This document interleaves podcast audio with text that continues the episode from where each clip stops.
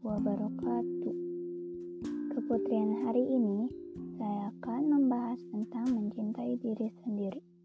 Pernah nggak kalian bertanya pada diri sendiri kalau kalian itu selalu merasa kurang puas dengan fisik kalian sekarang?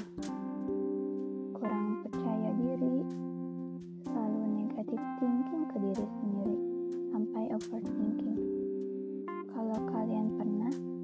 kita mulai mencintai diri sendiri. Bagaimana caranya?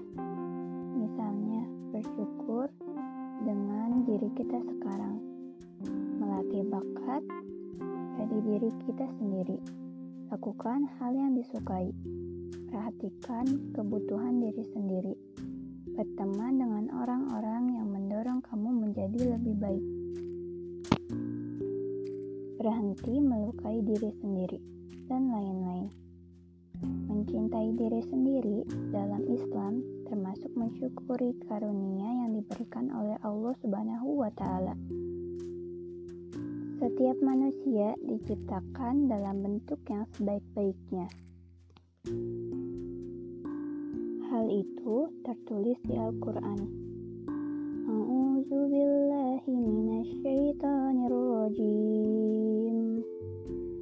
Bismillahirrahmanirrahim.